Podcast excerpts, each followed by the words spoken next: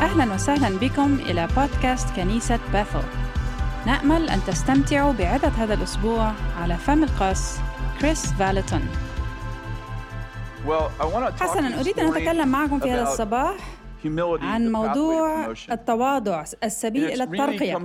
تأتي رسالتي في الحقيقة من رسالة شاركتها منذ عشر سنوات تقريبا في الواقع. يأتي نصف الملاحظات من رسالة شاركتها قبل عشر سنوات. وأريد أن أخبركم أن لدي قلقا كبيرا جدا بشأن التعجرف والكبرياء الذي ينمو في بلدنا وحركاتنا وحتى في كنيساتنا. فأريد أن نصلي من أجل هذه الرسالة؟ يا أبانا أصلي أن تفتح عيوننا وأذاننا. يا رب لكي لا نكون مقاومين عندما تصححنا عندما توجهنا عندما تصوغنا وعندما تكشفنا. يا رب أن تكون لدينا الشجاعة للنظر فعليا إلى قلوبنا وحياتنا وإجراء تعديلات في حياتنا الخاصة. آمين. Um, لنفتح معا إلى إشعياء آه، ستة. إشعياء الإصحاح السادس. أريد أن أتحدث إليكم أولا عن لقاء كان لإشعياء حوالي 500 سنة قبل المسيح. يبدأ العدد الأول هكذا. في سنة وفاة عزي الملك رأيت السيد جالسا على كرسي عال ومرتفع وأذياله تملأ الهيكل. السرافيم واقفون فوقه. لكل واحد ستة آه، أجنحة بإثنين يغطي وجهه وبإثنين يغطي رجليه وبإثنين يطير. وهذا نادى ذاك وقال قدوس قدوس قدوس رب الجنود. مجده ملء كل الأرض. العدد الأربعة فاهتزت أساسات العتب من صوت الصارخ وامتلأ البيت دخانا فقلت ويل لي إني هلكت لأني إنسان ناجز الشفتين وأنا ساكن بين شعب ناجز الشفتين. لأن عيني قد رأتا الملك رب الجنود. فطار إلي واحد من سرافيم وبيده جمرة قد أخذها بملقة من على المذبح ومس بها فمي وقال إن هذه قد مست شفتيك. فانتزع إثمك وكفر عن خطيئتك. ثم سمعت صوت السيد قائلا من أرسل? ومن يذهب من أجلنا? فقلت ها أنا ذا أرسلني. أنا أحب هذه القصة لعدة أسباب. إنها قصة عن عندما رأى إشعياء الرب بعد وفاة الملك عزية. عندما كان في حضرة الرب بدأ يدرك أنه ساكن بين شعب نجس الشفتين. وأن ذلك قد أثر بالفعل على كلامه هو. يدرك أن مواقفهم قد أثرت على موقفه وكلام وكلامه الخاص. وبدأ يصرخ أنا رجل نجس الشفتين؟ من سيساعدني؟ ويأتي الرب كما تعلمون بالجمرة ويضعها على شفتيه ويقول له لست رجلا نجس الشفتين فيما بعد. ولكن إثمك قد أزيل وخطاياك قد غفرت ثم قال له الرب من أرسل ومن يذهب من أجلنا؟ ويقول إشعياء ها أنا ذا أرسلني أود أن أبدأ هناك وأقترح عليكم أننا نعيش بين شعب نجس الشفتين. أننا غارقون مع شعب ليس لديه عقليات الملكوت. غالبا ما نقضي ساعتين أو ثلاث ساعات يوميا في الاستماع ومشاهدة وقراءة الأخبار. ونقضي ثلاث ساعات في مشاهدة وقراءة والاستماع إلى الأخبار وثلاث دقائق في قراءة الكتاب المقدس. ونعتقد أنه لن يؤثر علينا. أقترح أنه بالفعل يؤثر علينا ذلك. أننا عندما نخرج من محضر محضر الله إننا نرعى أمورا في حياتنا التي لا ندرك أننا نرعاها. إلى أن ندخل محضر الله من جديد وندرك أن شفتي لا تختلفان عن شفاه الآخرين. أنا ما أقوله أنا لا يختلف عما يقولون أنا ما أفكر به أفكر مثلهم. تماما ولا أدرك ذلك حتى أنا مثل الضفدعة التي توضع في الماء البارد وترفع الحرارة تحتها تدريجيا ويجري غلي في هذا الموقف من التعجب وأنا لا أدرك ذلك حتى. يقول في سنة وفاة عزي الملك رأيت السيد. أخبار الأيام الثاني الإصحاح 26 سوف نقرأ عددا غير قليل من الأعداد الكتابية إذا كنتم ترغبون في تدوين المراجع. يقول في الإصحاح 26 من أخبار الأيام الثاني أن عزية أصبح ملكا عندما كان عمره 16 سنة. والآن إذا كنتم قد قرأتم سفر الملكوت أو أخبار الأيام فأنت على الأرجح تعرف أن معظم الملوك لم يعملوا جيدا. تقرأ مثل ملك شرير شرير شرير شرير ملك شرير ثم ملك صالح ثم ملك صالح. جدا. ثم ملك شرير شرير شرير. وقصة عزيا هي واحدة من تلك القصص مذهلة يصبح ملكا في عمر 16 سنة. والآن لديه ما تسميه ترجمة The Message الكتاب المقدس. راع. ولكن تدعوه ترجمة New American Standard كاهنا الذي هو شريكا له اسمه صفانية. زكريا عفوا خلال كل السنوات التي عاشها زكريا وكان راعيه أي كاهن عزية يقول أنه سار مع الرب. وسلك عزية في كل طرق الرب. ولكن بعد ذلك حدث شيء توفي زكريا. وعندما توفي زكريا بدأ الملك يفقد اتصاله بتواضعه وببره. والآن إنها قصة حزينة من نواحي كثيرة لأنه في العدد السادس من الإصحاح 26 يقول أن الله كان مع عزية لدرجة أن الله أعطاه أفكارا لآلات الحرب. دعونا أق... دعوني أقرأ لكم بعضا من الأعداد هنا. يقول أن تحت يدهم جيش جنود 300 مئة ألف وسبعة آلاف وخمسمائة من المقاتلين بقوة شديدة لمساعدة الملك على العدو. وهيأ لهم عزية لكل الجيش أتراسا ورماحا وخوذا ودروعا وقسيا وحجارة مقاليع. وعمل في أورشليم من منجنيفات منجنيقات اختراع مخترع مخترعين لتكون على الأبراج وعلى الزوايا لترمى بها السهام والحجارة العظيمة. وامتد اسمه إلى بعيد إذ أعجبت إذ عجبت مساعدته حتى تشدد. هل لاحظتم هذا كان عزية واحدة من أولئك الملوك الذين دافعوا بالفعل عن شعب إسرائيل ضد أعدائه وأصبح في الواقع مشهورا بآلات الحرب التي حمت شعب إسرائيل. بسم الله. كل هذا كان مذهلا. ثم مات زكريا راعيه الكاهن وبدأ سقوط عزية منذ ذلك الوقت. يقول هذا في العدد 16 ولما تشدد ارتفع قلبه إلى الهلاك. وخان الرب إلهه. ودخل هيكل الرب ليوقد على مذبح البخور. ودخل وراءه عزرية الكاهن ومعه ثمانون من كهنة الرب بني البأس. وقاموا وقاوموا عزية الملك وقالوا له ليس لك يا عزية أن توقد للرب بل للكهنة. بني هارون المقدسين للإيقاد للإيقاد أخرج من المقدس لأنك خنت. وليس لك من كرامة من عند الرب إله الإله. فحنق عزية وكان في يده مجمرة للإيقاد وعند حق حنقه على الكهنة خرج برص في جبهته أمام الكهنة في بيت الرب بجانب مذبح البخور. فالتفت نحوه عزرية هو الكاهن الرأس وكل الكهنة وإذا هو أبرص في جبهته فطردوه من هناك حتى إنه هو نفسه بادر إلى الخروج لأن الرب ضربه. وكان عزية الملك أبرص إلى يوم وفاته وأقام في بيت المرض أبرص لأنه قطع من بيت الرب وكان يثام ابنه على بيت الملك يحكم على شعب الأرض. هذه قصة محزنة جدا حزينة. هذا ملك عظيم باركه الله. ولكن حدث شيء ما في قلبه. أصبح متعجرفا ومتكبرا. بدأ يشعر بالاستحقاق. وأنه مخول وأنه إذا كان هو الملك إذا هو الحاكم على كل شيء. بدأ يشعر بعدم الرضا. حيال كونه مجرد ملكا. كان يحتاج إلى المزيد. كان يستولي على السلطة ويروج نفسه وفي قلبه تعزيز الذات والعجرفة. وبدأ يقول أنا مع أنا ملك. يجب أن أكون أيضا كاهنا. وذهب إلى الهيكل في تلك الأيام كان يحق فقط للكهنة المكرسين أن يخدموا على المذبح. وبدأ يوقد على مذبح البخور. واجتمع الكهنة حوله وقالوا لا لا لا أنت ملك ولكنك لست كاهنا. أي ابقى في خطك. في خطك. ولكنه لم يستمع لم يسمع. وخرج برص في جبهته. وأنا أقول الحمد لله على العهد الجديد. أليس كذلك؟ ولكن في العهد الجديد تستخدم هذه العبارة أكثر من سبع مرات. الله يقاوم المستكبرين. ولكنه يعطي نعمة للمتواضعين. أقترح أن الله لا يسبب البرص للناس. ولكن الله لا زال يقاوم المستكبرين ويعطي نعمة للمتواضعين.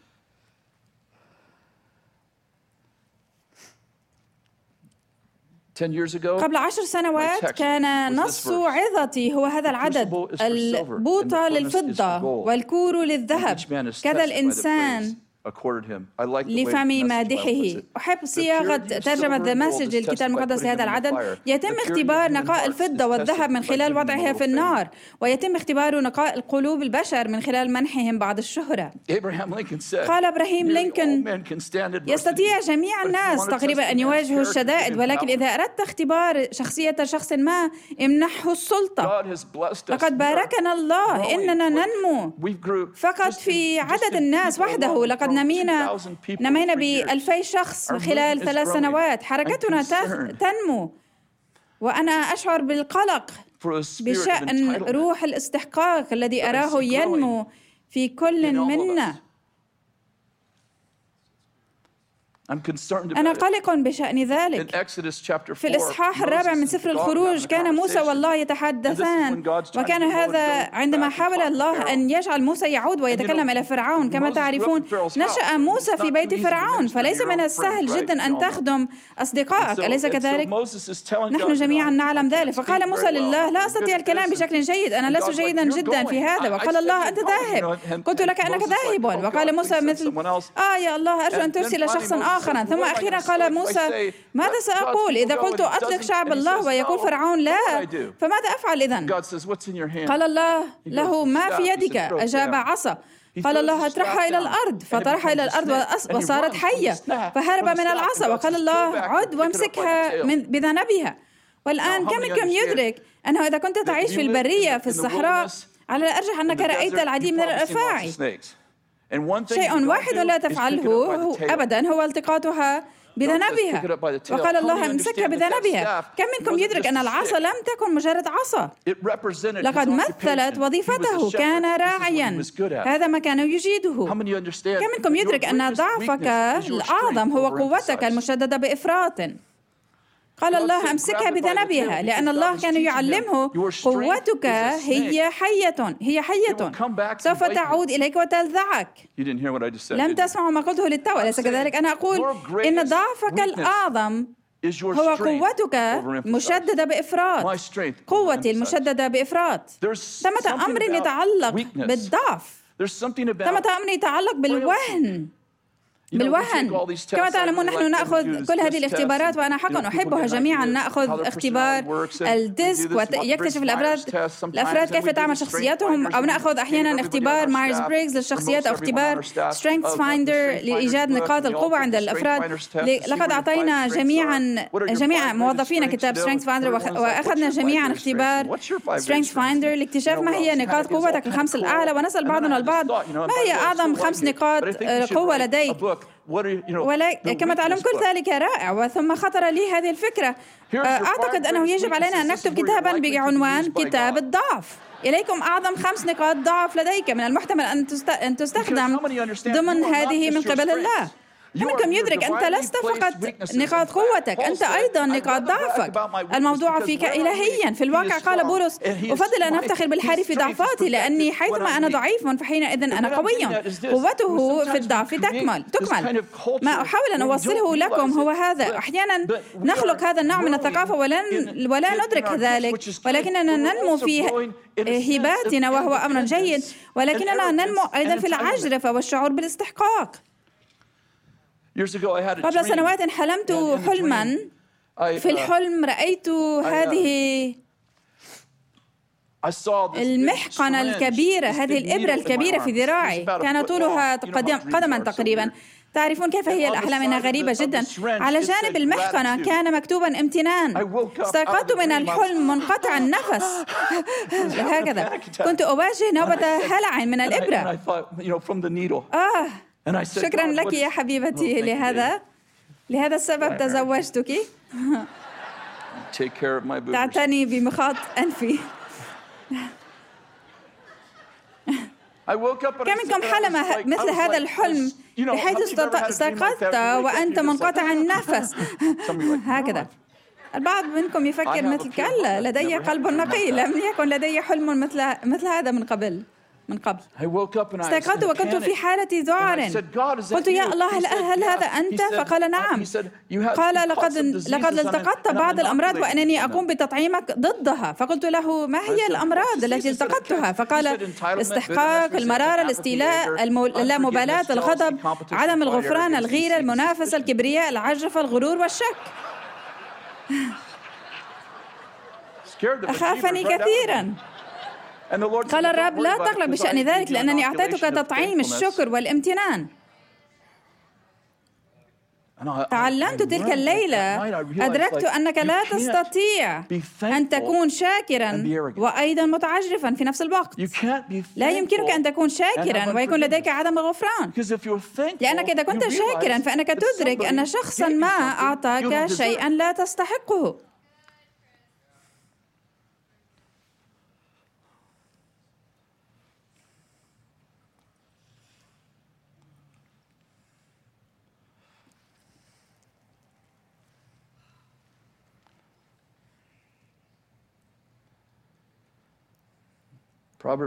يقول في أمثال 16 هدية الإنسان ترحب له وتهديه إلى أمام العظماء.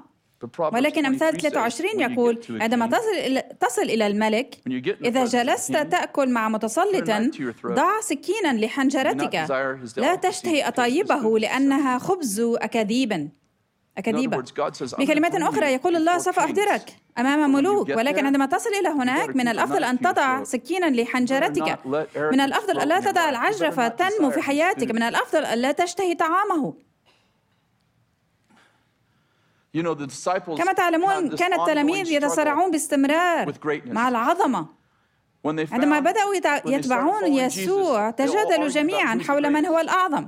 والآن أستطيع أن أفهم بعض بضعة رجال ألفا أي المهيمنين أو نساء ألفا.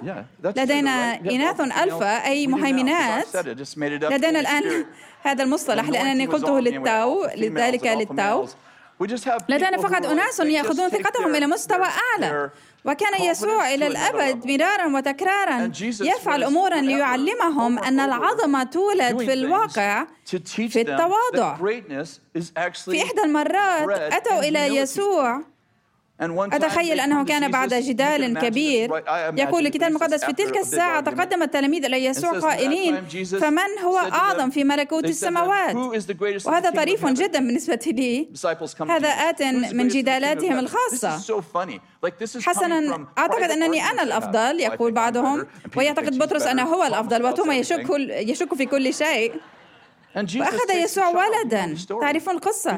دعا إليه ولدا وأجلسه أمامهم. ثم يقول هذا لهم إنهم يسألون هو الأعظم. قال يسوع إن لم ترجعوا وتصيروا مثل الأولاد. فلن تدخلوا ملكوت السماوات. ثم يقول هذا البيان. من وضع نفسه مثل هذا الولد فهو الأعظم في ملكوت السماوات. كم منكم يدرك أن هدف المسيحية هو أن ترشد ترشدك الدفة وليس الكرباج. يعطيهم يسوع مثلا آخر في الإصحاح 14 أعني هذا مستمر. أرادهم يسوع أن يكونوا واثقين. أرادهم أن يعرفوا من هم ولكنهم ولكنه أرادهم أيضا أن يبقوا متواضعين وأن يقدموا الأفضلية لبعضهم البعض. في الإصحاح 14 من لوقا. وقال للمدعوين مثلا وهو يلاحظ كيف اختاروا المتكئات الأولى. قائلا لهم متى دعيت من أحد إلى عرس فلا تتكئ في المكان في المتكأ الأول لعل أكرم منك يكون قد دعي منه.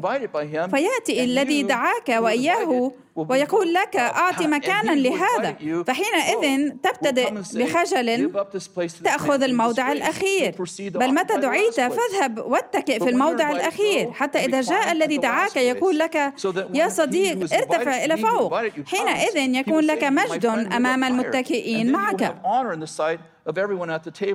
استمعوا إلى العدد الأخير لأن كل من يرفع نفسه يتضع ومن يضع نفسه يرتفع.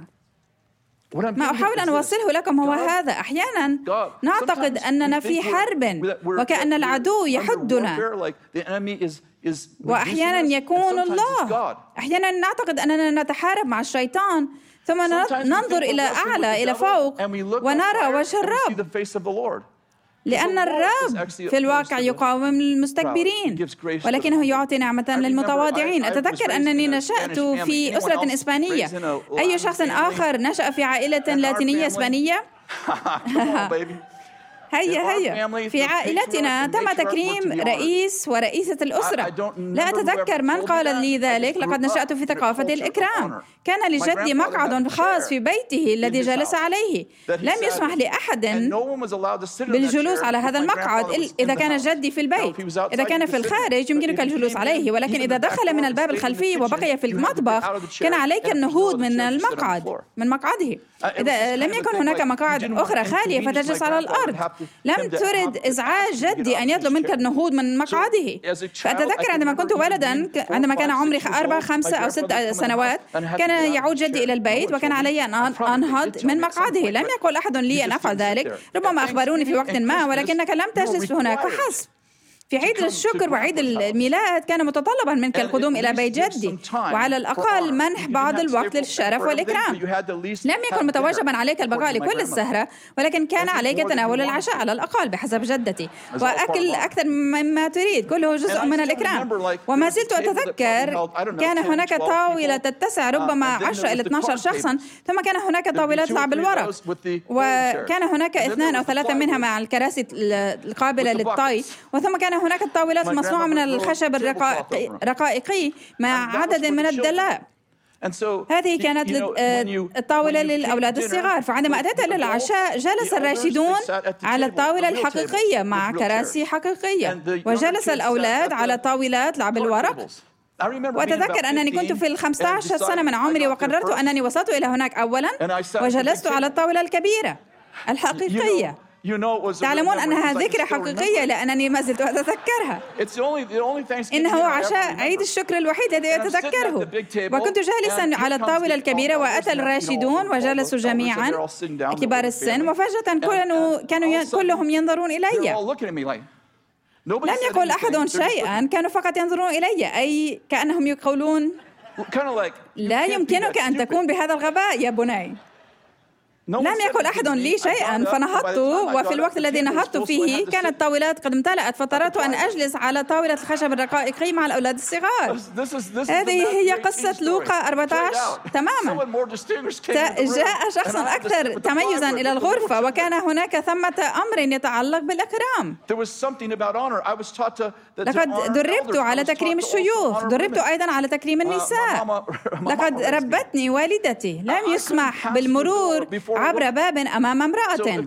فإذا كنت ماشيا مع امرأة كان علي أن أسمح لها بالمرور أولا. حتى لو كانت على بعد بضعة أقدام خلفي. كنت أتوقف وأدعها تمر. أتذكر تلك المرة خرجت من السيارة وكانت جدتي وأختي وأمي معي. ودخلت ودخلت أمي البيت أولا وكانت جدتي تسير ببطء. فركضت إلى المنزل.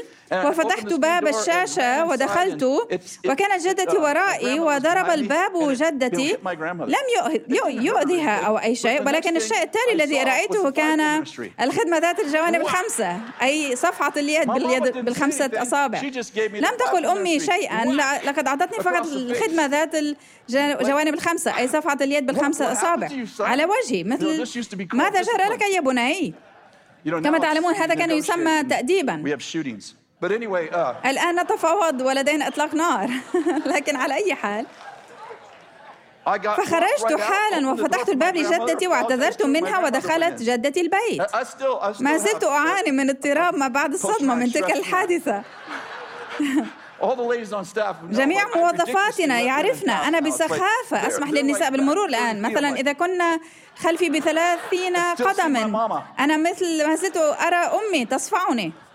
أنا فقط أقول أن ثمة أمر يتعلق بالثقافة التي عشنا فيها. ونحن الآن نتدرب على يد أشخاص نجسي الشفتين ونصبح أشخاص نجسين بنفسنا.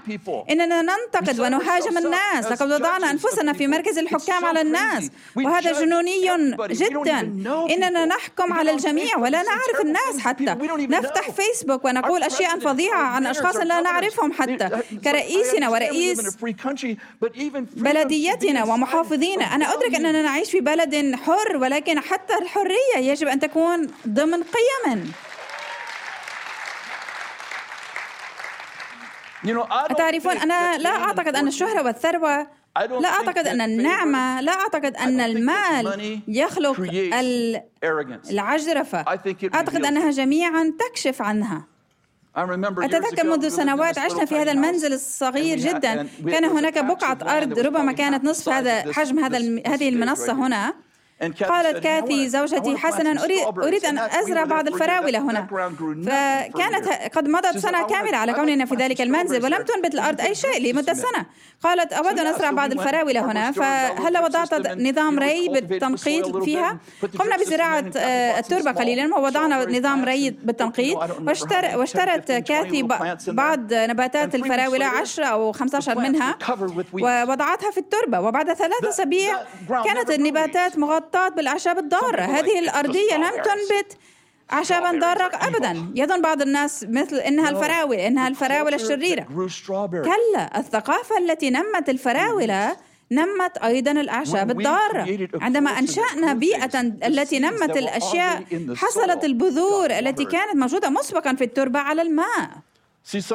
أترون أحيانا نفكر مثل حسنا إذا إذا حصلت على المال أو الشهرة أو السمعة سوف تصبح متعجرفا. قد تصبح متعجرفا. ليس لأن تلك الأشياء جعلتك متعجرفا بل لأنها سقط شيئا كان موجودا مسبقا. أترون الثقافة التي تخلق العظمة تخلق أيضا التعجرف.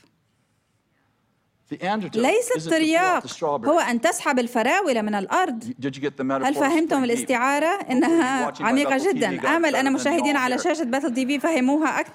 أفضل من جميعكم هنا. ليس الهدف. الهدف هو أن نقول حسنا أنا لا أريد أن أكون عظيما. دعونا فقط أن نكون جميعا فاشلين. كلا لم يكن لديك أي مشكلة عندما كنت فاشلا إلا إذا كنت إلا أنك كنت فاشلا. أحيانا يكون ردنا على ذلك هو دعونا لا يكون أحد منا عظيما دعونا فقط نشعر بالسوء باتجاه أنفسنا ولكن هذا ليس هو الهدف. عندما رأى نبوخذ نصر حلما عن نفسه في الإصحاح الرابع من دانيال رأى شجرة وهذه الشجرة الضخمة الكبيرة والطيور فيها وكل هذه الأوراق الجميلة حوله. ثم فجأة في الحلم رأى مراقبين الذين قالوا له الذين قالوا عفوا اقطعوا الشجرة واتركوا الجذع فقط. ثم يخبر دانيال. كان لدي هذا الحلم. لا أدري عمن هو ولا أدري عما هو. فيخبر دانيال الحلم ويصاب دانيال على الفور بنوبة ذعر ويقول لنبوخذ نصر أتمنى لو كان هذا الحلم عن أعدائك. عن أعدائك وليس عنك. فقال الملك دانيال أخبرني الحلم. فقال أنت الشجرة. أنت هذه الشجرة الجميلة الضخمة والطيور هي الأمم التي تلجأ إليك. ولكن ولكن بسبب عجرفتك وبسبب كبريائك سيقوم الله بقطع تلك الشجرة. ولمدة سبع فصول أو فترات أو سبع, سبع سنوات سوف تكون مثل الحيوان. إلى أن تدرك أن الله هو ملك الملوك ورب الأرباب. ولكن قال له دانيال لماذا لا تحاول أن توضع نفسك وربما يلين الله؟ فوضع نفسه لمدة 12 شهرا. ولكن في الشهر الثاني عشر كان على قمة القلعة وكان ينظر إلى مملكته وقال في نفسه أنا مذهل. انظر إلى ما بنيته بيدي. الله سعيد جدا أنه خلقني. هذا تعبيري أنا الخاص على فكرة ليس دقيقا. وعلى الفور فقد عقله. لقد رأينا كلنا هؤلاء المشردين التائهين سيرا على الأقدام. هؤلاء الأشخاص المساكين الفقراء الذين يمشون تائهين ويتكلمون إلى أنفسهم. كان ذلك نبوخذ نصر. وفي الواقع ينمو شعره ويصبح كالريش وكان مع وحوش الأرض. كان مع الحيوانات التي تعيش في الخارج وفاقدا عقله.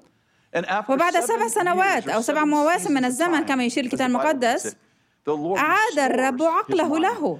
أريدكم أن تستمعوا إلى ما كتبه نبوخذ نصر في يومياته الخاصة. أليس من الرائع أن يشمل سفر دانيال ملاحظات نبوخذ نصر؟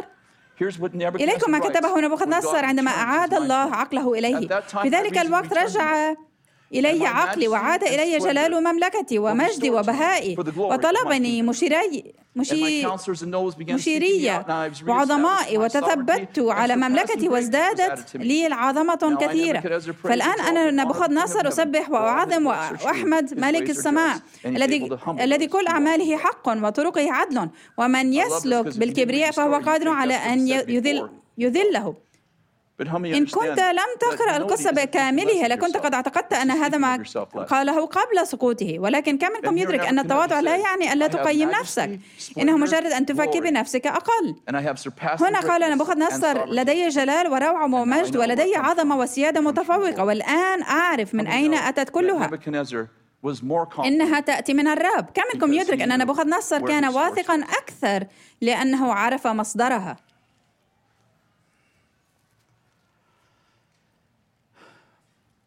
الهدف من المسيحية هو أن ترشد, ترشد ترشدك الدفة وليس الكرباج. علينا أن ندير قلوبنا في حياتنا الخاصة. دعوني um, فقط أعطيكم خمس نقاط عن موضوع التواضع. أولا على التواضع تجاه الله أن يظهر في علاقاتنا مع الناس. ثانيا النعمة العظيمة مخصصة مخصصة للتواضع كم يدرك أنه متى وضعت نفسك يعطيك الله نعمة للارتفاع. ثالثا ليس فقط أن الله يقاوم يقاوم المستكبرين ولكن الكبرياء يهزم الذات إنه مثل الصدأ الذي يصدئ ببطء ما يحتويه. يقول في أمثال 29 كبرياء الإنسان تضعه والوديع الروح ينال مجدا كم منكم يفهم أن الأمر لا يقتصر على أن الله يقاومك بل أن الكبرياء يقاومك. هذا الكبرياء هو مثل السم رابعا. يريد الله أن يرفعنا. هدف الله هو أن نكون عظماء ومدهشين عظيمين ومجيدين. إنها مكافأة التواضع. خامسا التواضع زائد لا شيء يساوي الترقية. التواضع زائد لا شيء يساوي الترقية. دعوني أشارك معكم الآن مؤشرات uh, التواضع. كيف أعرف ما إذا كنت متواضعا؟ أنت قابل للتعليم. أولا أنت قابل للتعليم وثانيا أنت قابل للتأثير. ثالثا يمكن تصحيحك دون الدفاع عن نفسك. رابعا أنت تبتهج عندما يتم الاحتفال بالآخرين.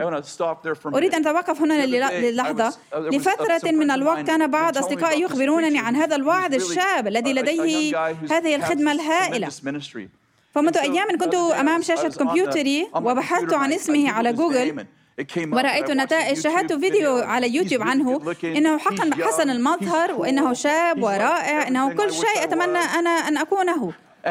إنه يعظ أفضل مني لديه 30 ألف شخصا في كنيسته فكنت أشاهده أشاهد ذلك الفيديو على يوتيوب أقول يا هذا رائع. أتمنى, أتمنى لو كنت هكذا. ثم بحثت عن اسمه على موقع ويكيبيديا وظهرت إلى فقرة الانتقادات ورأيت أن الناس ينتقدونه لهذا الأمر المعين وذلك الأمر الآخر وهذا الأمر وذلك الأمر. وبينما كنت أقرأ الانتقادات بدأت أشعر بالسعادة. ثم توقفت وافتكرت ما الذي أفعله بحق السماء؟ ما هذا الذي أنا أفعله؟ أولا هذا الشاب هو على جهتنا. إنه في الملكوت. First of all. أولا. وثانيا ما هو هذا القلب الذي يشعر يشعر بالغيرة من أخ يفعل أفضل منه؟ ما هذا الذي أنميه في بقعة فراولي؟ بجد انهارت وبكيت بشدة. تساءلت ما بالي؟ ما مشكلتي؟ ما الذي يجعلني أشعر بالغيرة من رجل آخر يرعى نفس الملكوت؟ بدأت أدرك أن هناك أعشابا ضارة تنمو في حياتنا. لدينا كل هذه الأشياء القادمة ضدنا. أنا مخول يجب أن أحصل على هذا وذاك. يجب أن أكون كبيرا لماذا يمتلك هذا أو ذاك هو؟ وأنا, وأنا لا أمتلكها. دعني أبحث عن أبحث إذا كان هناك أي شخص آخر لا يحبه مثلما أنهم لا يحبوني أنا. آه هذا يجعلني أشعر بالتحسن لديه مشاكل هو أيضا. أدركت أنه لهذا السبب أننا لا نحب الأخبار السارة لا نحب الأخبار السارة لأنها تغذي تلك الغيرة فينا تغذي تلك الأعشاب الضارة فينا. توقفت هناك وقلت يا الله أنا آسف حقا. لا أريد أن أكون حق فقط آسفا فحسب أريد منك أن تنزع هذا الشيء من حياتي الذي من شأنه أن يغضبني لأن أخا آخرا يفعل أفضل مني. يا الله انزع. هذا من حياتي من فضلك أرجوك Number six, you don't, خامسا you don't have to be right. oh, لا يوجد no عمل صغير جدا بالنسبة لك. سادسا ليس ليس عليك أن تكون على حق. نحن مهووسون برغبتنا أن نكون على حق. تقول طائفة ما نحن كنيسة الإنجيل الكامل. هل لاحظتم هذا؟ نحن كنيسة الإنجيل الكامل. المدلول هو أن إنجيلكم ليس كاملا. نحن نؤمن بكل الكتاب المقدس. هل تريد أن تؤمن بالكتاب المقدس كله؟ تعال إلينا. إذا مثل لدينا الوحي الأخير عليه. نحن نفهمه. ألاحظ الصمت في القاعة حسنا سوف نتابع. أنتم تختبرون إحدى تلك اللحظات المؤلمة. اسمعوا. أنا بكل سرور أؤمن بكل بكامل الكتاب المقدس. آمل آمل أن يعتقد كل قائد مسيحي أنه يؤمن بالإنجيل كله. ولكني لا أعتقد أننا بحاجة إلى تسمية كنيستنا. نحن على حق. حسنا دعونا نتابع. سابعا. أنت طبيعيا تطلب المشورة من الآخرين. ثامنا أنت فعلا تصلي. أعرف العديد من الناس الذين يناضلون من أجل الحفاظ على الصلاة في المدارس الذين لا يصلون في هم بنفسهم في البيت. تاسعا أنت تعترف بحرية بعيوبك وأخطائك وإخفاقاتك. عاشرا أنت تعيش لمساعدة الآخرين. 11 أنت لا تشعر بالإهانة بسهولة.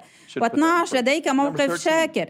13 أنت لا تعيش مع شعور بالاستحقاق. أنت لا تشعر بأن أحدا مدين لك بشيء. 14 أنت سريع المسامحة ولا تحمل الضغائن. 15 أنت واثق بمن أنت وراض بمن لست. أتعلمون قد تكون الحاجة أم الاختراع ولكن التواضع هو أبو الترقية أبو الترقية. منذ أيام في الشهر الماضي شاهدنا مرشحا للمحكمة العليا يختبر عملية ما. والآن أريد أن أكون واضحا. لا أدري ما إذا كان يجب أن يكون أو لا يجب أن يكون هذا الرجل قاضيا. لم أدرسه ولم يكن القرار لي أنا. لم يكن لدينا تصويت. فأنا فقط أعرف ما تعرفوه أنتم. ولكنني حزنت خلال هذه العملية. حزنت جدا. لم أكن حزينا بسبب الطريقة التي عالج العالم بها هذه العملية. لقد حزنت بسبب الطريقة التي عالج المؤمنون بها هذه العملية. كانت كانت هناك اتهامات حول حياته. ومن الواضح أنها لم تكن صحيحة ولكني كنت أفكر لو كانت صحيحة. لقد جرت قبل 36 سنة. ف فكرة المغفرة ليست الاعتراف بقدر ما هي بقدر ما هي التوبة. التوبة تعني أنني أبتعد عن تلك الحياة ولا أعيشها فيما بعد. هل سمعت ما قلته للتو؟ فإذا كان لدي ثمان تحقيقات من مكتب التحقيقات الفيدرالي ال FBI حياتي. وآخر شيء يمكنك أن تجده جرى منذ 36 عاما. قد أقول أنني على الارجح قد تبت. إذا كنت فعلا قد ارتكبت ذلك الخطا فأنا قلق وإليكم قلقي. أنتم تعتقدون أتكلم عن هذا القاضي. كلا أنا لست أتكلم عن القاضي إنني أتكلم عن القلوب. ما يقلقني هو أنه إذا لم يكن ذلك الرجل مؤهلا بسبب عدم نزاهته فأنا لا أعرف إذا ما إذا كان أي شخص هنا منا هنا مذ مؤهلا لفعل شيء أي شيء. أنا ببساطة أقول أنني قلق على حركتنا من أن خميرة الفريسيين وخميرة هيرودس تتسرب إلى حركاتنا. حركتنا وبدأنا نفكر تماما مثل العالم. والآن إذا كنت تعتقد أنني أدلي بتصريح سياسي إذا كنت هنا لمدة سنوات على الأقل فأنت تعرف أنه عندما فعل الرئيس أوباما شيئا رائعا كنت أقول أحب ما فعله رئيسنا أحب رئيسنا. ولقد قلت مرات عديدة جدا وكتبت على صفحاتنا الاجتماعية أنه أحب رئيسنا. هذا لا يعني أنني أتفق معه هذا يعني أنني أحب رئيسنا أنا أمرت أن أحب وأصلي لأولئك في في السلطة. هذا من واجبي ليست وظيفتي أن أنتقدهم. وظيفتي هي أن أصلي من أجلهم. أنا أعيش في ديمقراطية لذا فإن وظيفتي هي أيضا أن أختلف عندما أختلف. لا بأس أن أختلف. أنا فقط أريد أن أكون واضحا. لا بأس أن نختلف إذا إذا يقوم شخص ما باغتصاب النساء أو يسيء معاملة كبار السن أو يرتكب خطيئة يجب أن يكون هناك عدالة. وأنا 100% حامي النساء من الواضح أنني نشأت في منزل تعرضت فيه أمي لسوء المعاملة فأنا حامي النساء. ولكن نقطتي الوحيدة هي هذا الموقف. موقف القلب. هل تدرك أنك إذا كنت تطالب بالحكم على شخص ما بسبب احتمال ارتكابه خطيئة منذ 36 سنة. هل تدرك أنك بذلك تكون قد حددت المعيار لنفسك أنت؟ هل تعتقد فعلا أنه يمكنك الحكم على شخص آخر وأن الله لن يستخدم هذا المعيار لنفسه. لك أنت أيضا؟ هل تعرف أن كيف سوف تدان في السماء؟ هل لديك أي فكرة عن كيفية الحكم عليك؟ لقد قدم لنا يسوع سرا صغيرا قال كيف تحكم؟ سوف يحدد كيف يحكم عليك. بكلمات أخرى عندما تصل إلى السماء سيقول الله إليكم إليك ما قلته عن هنري ما, ما قلته عن ماري عن رئيسك عن رئيس بلديتك حسنا. لنستخدم الآن معيارك. سوف نستخدم ذلك لك. أنت. لي. ما أقوله هو اسمع كن جزء من العملية السياسية. صوت واختلف وصرح ببيان وحول القضايا. ليس هناك أي مشكلة. ولكن عندما تهاجم قلوب الناس من الأفضل أن تكون حذرا لأنك تكون قد حددت للتو الإجراء الذي سيتم استخدامه لقياسك أنت. كن حذرا. واسمع. إذا كنت ديمقراطي الانتماء جمهوري الانتماء أو مستقلا والعديد منكم من دول أخرى. أيا كان الطرف الذي تنتمي إليه الذي لا تنتمي إليه عفوا. هذا هو الوقت الذي تحتاج فيه إلى مراقبة قلبك أكثرا. أنت بحاجة إلى مراقبة قلبك أكثر عندما يقوم الطرف الذي لم تصوت من أجله بعمل ما. عندما كان الرئيس أوباما رئيسا بالنسبة لمجموعة كبيرة من الناس لم يكن بإمكان لم يكن بإمكانه فعل أي شيء صحيح. وإذا فعل الشيء الصحيح صحيح فعله بدوافع خاطئة أو فعله بعد فوات الأوان. أو كلف أموالا طائلة. وأنا مثل هل يمكنكم يا شباب أن تروا أن ثلاث ساعات من مشاهدة الأخبار وثلاث دقائق من قراءة الكتاب المقدس يحولنا إلى وحوش وحوش ناقدة. أقول لكم الحقيقة. هذه هي كلمة الرب. تتحول إلى وحش منتقد. لا أحد يستطيع أن يتعدى الأحكام التي لدينا ضدك. وأنا مثل هذا تعجرف. إذا بقيت شاكرا إذا بقيت أبقيت الامتنان إذا أبقينا الامتنان والشكر في قلوبنا إذا تذكرنا من أين أتينا نحن؟ إذا تذكرت ما فعلته في عمر السبعة عشر سنة إذا تذكرت ما فعلته في عمر العشرين سنة كان ذلك يسمى الشهادة. أخشى أن أقدم شهادة عن حياتي عن حياتي. أنا غير مؤهل لأي شيء على الإطلاق. واسمعوا أريد أن أقول لكم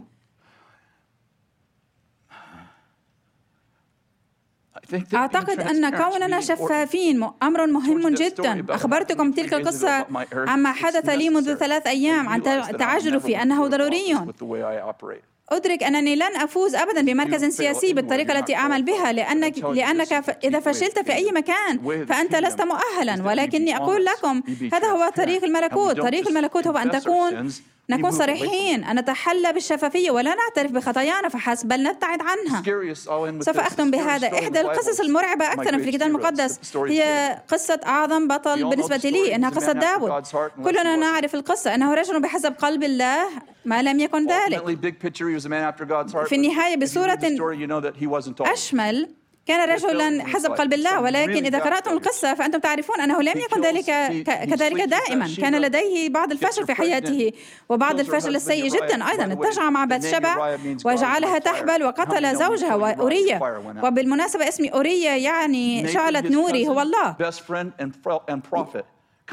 ويأتي إليه ناثان ابن عمه وصديقه العزيز وهو نبي أيضا. ويخبر الملك داود قصة. يقول دعني أخبرك قصة عن رجل غني كان يملك كل هذه الخراف. وكان هناك أحد الجيران الذي كان فقيرا وكان لديه مجرد خروف واحد. صغير. وكان حيوانهم الأليف. وأتى صديق من بعيد وبدلا من أن يأخذ خروفا من قطيعه الخاص لإعداد العشاء لصديقه. أخذ خروف جاره وذبحه وأكله. فقال داود لناثان بعدما سمع القصة يجب أن يقتل هذا الرجل. فقال ناثان له أنت ذلك الرجل. إحدى القصص المرعبة أكثر في الكتاب المقدس هي أن رجلا حسب قلب الله قد لا يسمع قصة من الواضح أنها عنه هو وأن لا يكون لديه أي فكرة أن القصة عنه. هل تعرفون ماذا ماذا يفعل ذلك؟ إنه يخبرني أنه إذا كان داود وهو رجل حسب قلب الله يمكنه أن يفقد بصيرة علاقته مع الله وأن أفضل شهاده شهادة لديه جرت قبل عشر سنوات وهو لا يزال يعيش بحسب أمور قام بها قبل عشر سنوات ولا يدرك أنه ليس ذلك الرجل فيما بعد ولم يكن ذلك الرجل لمدة عشر سنوات. فيمكن أن يكون هذا حالي أنا أيضا. هذا هو التعجرف والكبرياء كم منكم يدرك ما اوصلنا إلى إلى هنا هو الأمر الوحيد الذي سوف يبقينا هنا. وهذا هو التواضع وخدمة الآخرين ومحبة الآخرين وعدم السماح للأعشاب للأعشاب الضارة أن تسيطر على الفراولة أنت لا تزرع حديقة وتبتعد عنها. آه سيكون لدينا بعض الفاكهة أو الخضار الرائع. كلا ما ستحصل عليه عندما تعود إذا ابتعدت عنها بعد ثلاثة أشهر سيكون لديك أعشاب ضارة. كم منكم يدرك أن الحل ليس حسنا دعونا نتخلى عن العظمة؟ دعونا لا نحاول أن نكون عظماء. ماذا لو تخلصنا من الأعشاب الضارة فحسب فماذا لو فعلنا ذلك يوميا؟ عندما نجد أمورا فينا منافسة غيرة غطرسة استحقاق يجب أنا أن أكون مسؤول يجب أن أكون مسؤول عن كل شيء. أنا الملك. يجب أن أكون مسؤولا عن كل شيء. أقترح أن شيئا ما خطأ. نعم ولكن انظر إلى كل الأمور التي حققتها. أنا أطعم الفقراء. أنا أنا أنا لقد شفيت المرضى. أنا أفعل هذا وذاك حسنا. هناك الكثير من ذاتك هناك. أليس كذلك؟ وأعتقد أنه عندما نضطر إلى استخدام انجازاتنا السابقة لتبرير موقفنا الحالي فهناك شيء خاطئ. أنا لا أقول أن هناك أي خطأ فيك. أنا أقول ببساطة أن طبيعة ما يفعله الله فينا هي أنه يمتحنا عن طريقة عن طريق الشهرة عن طريق النفوذ والتأثير. أود أن أقترح أن هناك نظام ري في حديقتنا. والآن إنه أمر جيد إذا كان بإمكانك التخلص من الأعشاب الضارة في الحديقة. أنا شخصيا لا أريد العودة إلى أرض بلا فراولة. لا أريد العودة إلى تلك الأرض. ولكنني أيضا لا أريد أن تغطى الفراولة. أي الأمور التي خططها الله لحياتي الأمور الجيدة. لا أريد أن تسيطر عليها. الأعشاب الضارة. دعونا نصلي. دعونا نقف معا.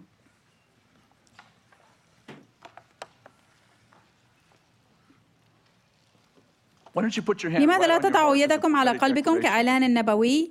ودعونا نقول هذا معا بصوت مسموع. يا روح الله القدوس. امتحني. وانظر إن كان هناك أي شيء في في داخلي الذي لا ينبغي أن يكون موجودا. إذا كان هناك كبرياء أو تعجرف استحقاق مرارة عدم غفران أي شيء من هذا القبيل. يا روح الله القدوس أعطيك الإذن أن تبكتني أولا ثم تقودني في الطريق الأبدي في مكان الخير والبر. يا روح الله القدوس أنا أضع نفسي اليوم. لا أحتاج منك أن توضعني. أريد أن أضع نفسي أنا. أطلب منك أن تقلم وتنقي غصني إلى مكان الإثمار. أشكرك من أجل ذلك. باسم يسوع. آمين. آمين. ليبارككم الرب.